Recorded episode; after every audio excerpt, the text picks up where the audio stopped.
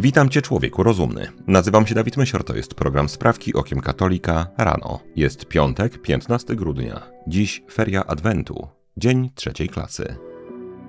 Wszystkie sprawy nasze prosimy Cię, Panie, natchnieniem Twoim uprzedzaj, a pomocą wspieraj, aby wszelka modlitwa i praca nasza od Ciebie się poczynała i przez Ciebie się kończyła. Przez Chrystusa, Pana naszego. Amen. Szwajcaria. Pochodzący z Austrii 84-letni biskup Erwin Kreutler, posługujący wiele lat w Brazylii, jeden z architektów synodu amazońskiego, odniósł się w wywiadzie dla szwajcarskiego portalu kat.h do możliwości dopuszczenia przez Kościół wyświęcania kobiet i żonatych mężczyzn. Biskup Kreutler jest rozczarowany postawą papieża Franciszka, który wzbudza ogromną nadzieję, ale potem zawodzi, nie wprowadzając zmian, na które liczą postępowi kapłani. Hierarcha powiedział: Jako młody człowiek przeżyłem drugi Sobór Watykański. To była wiosna Kościoła. Ta wiosna jest znowu potrzebna. Być może będzie w stanie tego dokonać następny papież. Biskup powiedział również, że najpierw będą żonaci księża, potem diakonat dla kobiet. Dopiero kolejnym etapem będzie wyświęcanie kobiet na kapłanów. Kiedy prowadzący wywiad zauważył, że zgodnie z orzeczeniem Jana Pawła II kobiety nie mogą być księżmi, biskup Kreutler stwierdził: Niestety polski papież nie zdawał sobie sprawy, że kobiety zajmują dziś zupełnie inną pozycję. Niedopuszczalne jest, aby starzy mężczyźni tworzyli teologię kobiet. Choć komentarz jest tu zupełnie zbyteczny, wybacz mi, mój drogi słuchaczu, że powiem na głos, że oczywiście kobiety nigdy nie będą kapłanami. Rumunia. Były premier Rumunii, pan Florin Citu, usłyszał zarzuty dotyczące nadużyć w związku z zakupem w czasie tzw. Tak pandemii blisko 60 milionów dawek cudownego eliksiru. Według prokuratorów te opiewające na ponad miliard euro transakcje były nieuzasadnione. Jak informuje Krajowa Dyrekcja Antykorupcyjna, były premier Florin Citu, obecnie senator Partii Narodowo-Liberalnej, jest objęty postępowaniem karnym za popełnienie dwóch przestępstw związanych ze współudziałem w nadużyciu stanowiska ze szczególnie poważnymi konsekwencjami. Wcześniej Senat Rumunii przegłosował uchylenie immunitetu byłego premiera.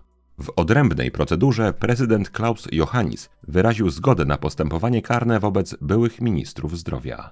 W kwietniu i maju roku 2021 premier Chitu wyraził zgodę na zakup kolejnych preparatów firm Pfizer i Moderna, mimo że rząd miał już wcześniej zakontraktowany zakup kryzysu klimatycznego w ramie w ilości wystarczającej do wszczepienia go 23 milionom osób, a rumuńskie władze zgłosiły Komisji Europejskiej, że do wstrzyknięcia tego cudu kwalifikuje się tylko 11 milionów Rumunów.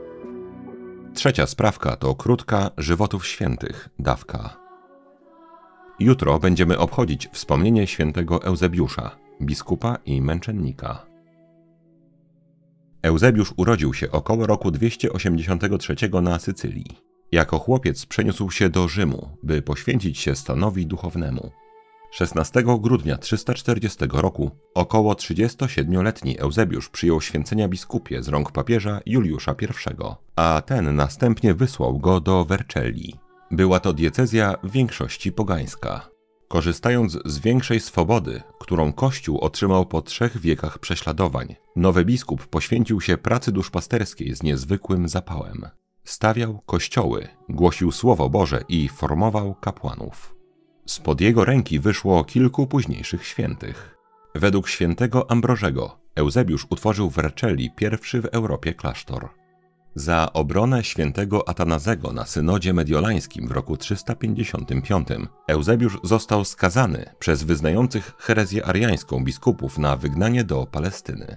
Z wygnania, jak przystało na prawdziwego biskupa, pisał listy do wiernych, zachęcając ich gorąco, by wytrwali w prawowitej wierze.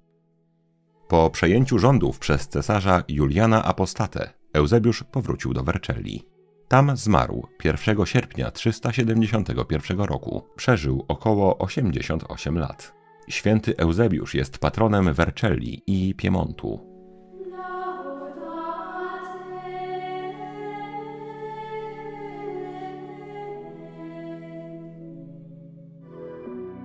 Wielka Brytania w brytyjskim parlamencie przedstawiono propozycję nowelizacji ustawy o zdrowiu i równości. Jej celem jest doprecyzowanie pojęcia płci. Obecne prawo w sposób uprzywilejowany traktuje osoby z płcią deklarowaną, kosztem płci biologicznej. Autorką nowelizacji jest posłanka Torysów i była premier pani Liz Truss.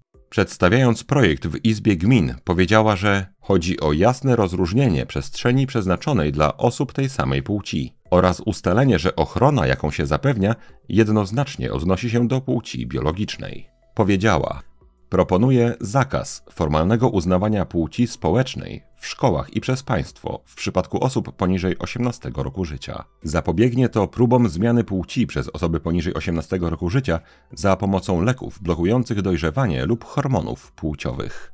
Według szacunkowych danych 65 tysięcy brytyjskich dzieci przedstawia się w szkołach jako płeć przeciwna, czasem bez wiedzy rodziców. Stany Zjednoczone Pan Brian Johnson to 46-letni milioner, który bardzo chce nie tylko powstrzymać proces starzenia się własnego ciała, ale wręcz go cofnąć. W tym celu codziennie połyka 111 różnych pigułek. Kolację jada około godziny 11, a przez resztę dnia pości, pijąc wyłącznie herbaty zawierające antyoksydanty. Dodatkowo codziennie ćwiczy, a wszystko pod kontrolą zespołu złożonego z 30 specjalistów. Pan Brian mówi: Uważamy, że śmierć jest nieunikniona, ponieważ wszyscy przed nami umarli. I to ma być dowód. Pan Johnson, przedsiębiorca z branży biotechnologicznej, opracował oparty na algorytmach sztucznej inteligencji program o nazwie Blueprint, który co tydzień przeprowadza 180 pomiarów różnych parametrów opisujących procesy zachodzące w jego ciele. Na tej podstawie algorytm odpowiada, czego organizm biznesmena potrzebuje. Pan Brian twierdzi, że dzięki temu udało mu się już zredukować wiek biologiczny o 5 lat. Zważywszy, że milioner ma metrykalnie 46 lat, zespół sprawek Okiem Katolika szacuje, że dzięki swojemu programowi udało mu się również zredukować swój wiek umysłowy. I to o jakieś 40 lat. Polska Metropolita krakowski arcybiskup Marek Jędraszewski podczas mszy odprawianej w Zembrzycach z okazji 89. rocznicy urodzin zmarłego w lutym filozofa Stanisława Grygiela odniósł się do trwającej obecnie w Polsce debaty na temat finansowania przez państwo zapłodnienia in vitro. Jak zauważył, metoda ta nie rozwiązuje problemu niepłodności małżonków, jakby chodziło tu tylko o małżonków, ale go obchodzi Człowiek stworzony na obraz i podobieństwo Boga powołany jest do świętości i miłości, a w jego życiu małżeńskim i rodzicielskim ta miłość musi znaleźć odblask, a nie być zastępowana przez różnego rodzaju technologie. Metropolita dodał, że człowiek nie jest produktem, człowiek jest owocem miłości małżeńskiej. Arcybiskup podkreślił też, że niepłodność należy leczyć, a nie zastępować metodami, które są z punktu widzenia moralności czymś złym. Siódma sprawka to krótka katechizmu, dawka. Katechizm według sumy teologicznej świętego Tomasza z Akwinu. Część pierwsza. Bóg, najwyższy byt, źródło i Pan wszelkiego istnienia. Kontynuacja punktu 24. Działania dobrych aniołów dotyczące ludzi. Aniołowie stróżowie. Czy wszyscy aniołowie z dwóch następnych hierarchii mogą być posyłani, by służyć ludziom? Tak, wszyscy aniołowie z dwóch następnych hierarchii mogą być posyłani, by służyć ludziom. Dzieje się to w ten sposób, że podczas gdy panowania przewodniczą wykonywaniu wyroków bożych to inne porządki, moce, władze księstwa, archaniołowie i aniołowie zajmują się bezpośrednio ich wykonaniem. Czy istnieją aniołowie, którzy są wysyłani przez Boga, by strzegli ludzi? Tak, są aniołowie wysyłani przez Boga, by strzegli ludzi, gdyż opatrzność w ramach rządów bożych zapragnęła, by człowiek, którego wola i myśli są tak zmienne i delikatne, mógł być wspomagany na swojej drodze do nieba przez błogosławione duchy, które są na zawsze skierowane ku dobru. Czy Bóg posyła do strzeżenia ludzi jednego anioła dla wielu z nich, czy też oddzielnie po jednym aniele dla każdego człowieka? Bóg wysłał oddzielnie po jednym aniele dla każdego człowieka, gdyż każda dusza jest dla Boga cenniejsza niż całe gatunki stworzonych rzeczy cielesnych, którym jednak także przypisany jest oddzielny anioł czuwający nad pomnażaniem ich dobra. Do jakiego porządku należą aniołowie, którzy są posłani, by strzec poszczególnych ludzi? Aniołowie, którzy są posłani, by strzec poszczególnych ludzi, należą wszyscy do ostatniego z dziewięciu chórów anielskich. Czy wszyscy ludzie bez żadnego wyjątku są powierzeni przez Boga straży jednego z tych aniołów? Tak, wszyscy ludzie bez żadnego wyjątku są powierzeni przez Boga straży jednego z tych aniołów, tak długo jak żyją tu, na ziemi, a to z powodu niebezpiecznej drogi, jaką muszą pokonać, zanim dojdą do swojego kresu. Czy nasz Pan Jezus Chrystus jako człowiek miał także anioła, który go strzegł? Nie, z tego powodu, że ponieważ był Bogiem, nie było to odpowiednie dla naszego Pana Jezusa Chrystusa, by miał swojego anioła, który by go strzegł, ale miał aniołów wyznaczonych do zaszczytnej służby, usługiwania mu. Kiedy konkretny anioł jest wyznaczany do strzeżenia człowieka? W tym samym momencie, gdy człowiek pojawia się na świecie, otrzymuje anioła, któremu Bóg polecił straż nad nim. Czy anioł stróż może w jakimś przypadku porzucić człowieka, którego polecono mu strzec? Nie, anioł stróż nie może w żadnym przypadku porzucić człowieka, którego polecono mu strzec. Bez ustanku czuwa on nad nim, aż do ostatniego momentu jego ziemskiego życia. Czy aniołowie smucą się złem tych, których strzegą?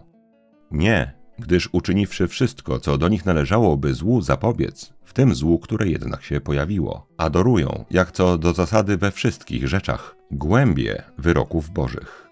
Czy jest rzeczą dobrą i godną polecania, aby powierzać się często i we wszystkim ochronie swojego anioła stróża? Tak, jest to rzeczą bardzo dobrą i w najwyższym stopniu godną polecenia, aby często i we wszystkim powierzać się ochronie swojego anioła stróża. Czy ta ochrona, gdy się z prośbą o nią zwracamy, jest nam zawsze i bezwzględnie zapewniona? Tak, ta ochrona, gdy się z prośbą o nią zwracamy, jest nam zawsze i bezwzględnie zapewniona, ale w zależności od wiecznych wyroków Bożych i według tego, jak to, co nas dotyczy, ma się do chwały Bożej. Punkt 25. Działania złych aniołów, czyli demonów. Czy demony mogą atakować i kusić ludzi? Od odpowiedzi na to pytanie zaczniemy jutro.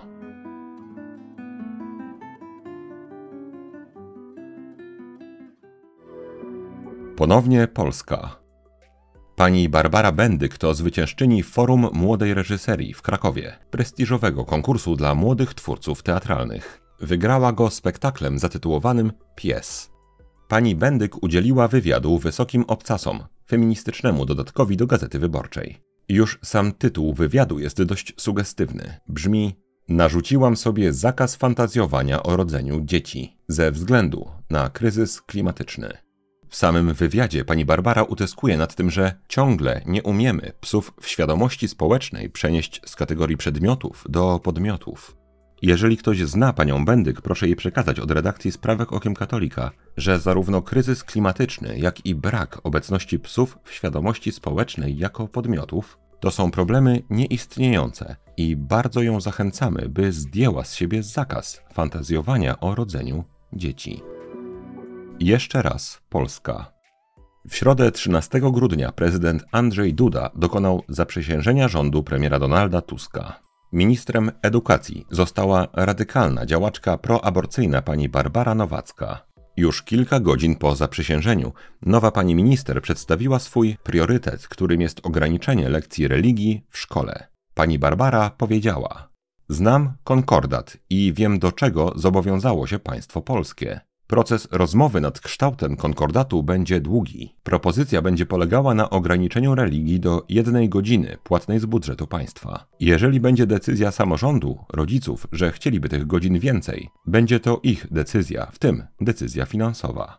Religia miałaby odbywać się na pierwszej lub ostatniej lekcji, a oceny z niej nie byłyby wliczane do średniej na świadectwie szkolnym.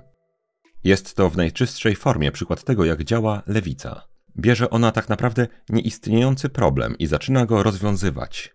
Wiadomo, że optymalnie na stanowisku ministra edukacji potrzebna jest osoba, która umie budować, troszczyć się o edukację Polaków. A jako, że lewica nigdy nie zajmuje się budowaniem czegoś, to obejmując funkcję ministra edukacji Rzeczpospolitej Polskiej, polityk lewicowy od razu musi znaleźć coś, co naprawi poprzez usunięcie. Trudno się dziwić, że polityk lewicowy nie chce religii w szkole, Ale bardzo smutne jest to, że prawdopodobnie większa część polskiego społeczeństwa nawet nie zauważy, jakim lewicowym absurdem jest rozpoczynanie swojej pracy jako ministra edukacji. Nie od czegoś pozytywnego, co się zbuduje, co poprawi edukację w Polsce, ale od usunięcia lekcji religii. Lewica zawsze będzie stwarzała takie pozory, że najpierw wyczyśćmy, a potem będziemy budować.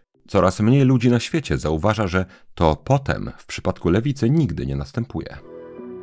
Ostatnia sprawka to krótka rozprawka. Myślę, że Polska kiedyś się odrodzi, że w wystarczającej liczbie umysłów nastąpi porządek i rozeznanie rzeczywistości zgodne z prawdą, że na pierwszym miejscu w tych umysłach postawiona zostanie święta wiara katolicka. Nie dlatego, że ich przekonała, że ją polubili, nie dlatego, że tak było z dziada pradziada, ale przede wszystkim dlatego, że jest to jedyna czysta prawda na tej ziemi.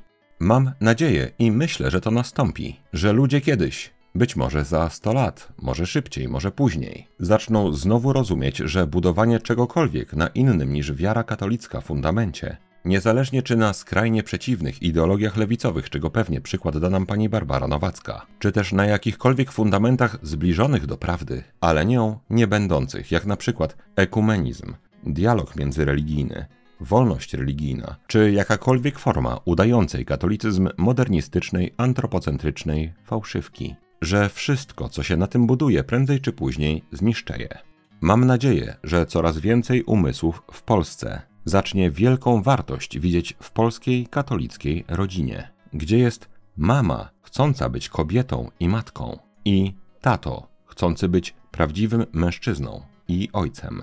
Naprawdę mam nadzieję, że jak najwięcej umysłów zobaczy, jaka jest przepaść pomiędzy szkołą katolicką a szkołą świecką. Oczywiście nie chodzi mi o szkoły katolickie jedynie z nazwy, a takich jest dziś bardzo sporo. Myślę, że musi nastąpić kiedyś czas, że ludzie wybudzą się ze swojej dopaminowej śpiączki i tym samym przestaną być na usługach tych, którzy trzymają w rękach dopaminowe cukierki. Wystarczyłoby, żeby odpowiednia liczba ludzi odkłamała w swoich umysłach kilka bardzo prostych, prymitywnych, współczesnych kłamstw, które niestety, choć są naprawdę śmieszne, siedzą w ludzkich głowach dość głęboko, bo ich autorzy wiedzieli doskonale, jak powiązać te kłamstwa z psychiką i systemem nerwowym człowieka. Mam nadzieję, że wystarczająca liczba umysłów pojmie tę prostą katolicką prawdę, że wszystkie sprawy dookoła są czymś w rodzaju scenerii, w której człowiek ma zbawić swoją duszę. Wystarczyłoby, żeby odpowiednia liczba umysłów najzwyczajniej w świecie przyjęła to za swój cel życiowy. I z tego jak po nitce do kłębka doszłoby się do Polski, która rozumie, że należy do Chrystusa. W takim kraju żyłoby się zdecydowanie lepiej i to nie tylko wierzącym. Myślę, że jeszcze kiedyś to nastąpi. Oczywiście katolik nie zna ani dnia końca świata, ani przyszłości. Nie można więc wiedzieć, co kiedy nastąpi, lub jak w przypadku Polski na nowo katolickiej, czy w ogóle nastąpi. Jednak, jak powiedziała święta Teresa z Avili, obowiązkiem katolika jest walczyć, a nie zwyciężać. I wychodząc od tej logiki, można chyba dojść do wniosku, że obowiązkiem katolika jest budować, a nie zbudować. Nie mając więc zielonego pojęcia, czy i kiedy nasze starania przyniosą zwycięstwo, chyba należy działać tak, jakby tu i teraz budowało się piękną i katolicką Polskę. Kraj silny, suwerenny, pełen ludzi mądrych. Czy to się kiedyś uda, tego wiedzieć nie możemy, ale możemy wiedzieć, że jak nie będziemy takiej Polski budować, to się na pewno nie uda. Oraz, że jeżeli będziemy ją budować, a nie zbudujemy, to i tak jest to nasze zwycięstwo.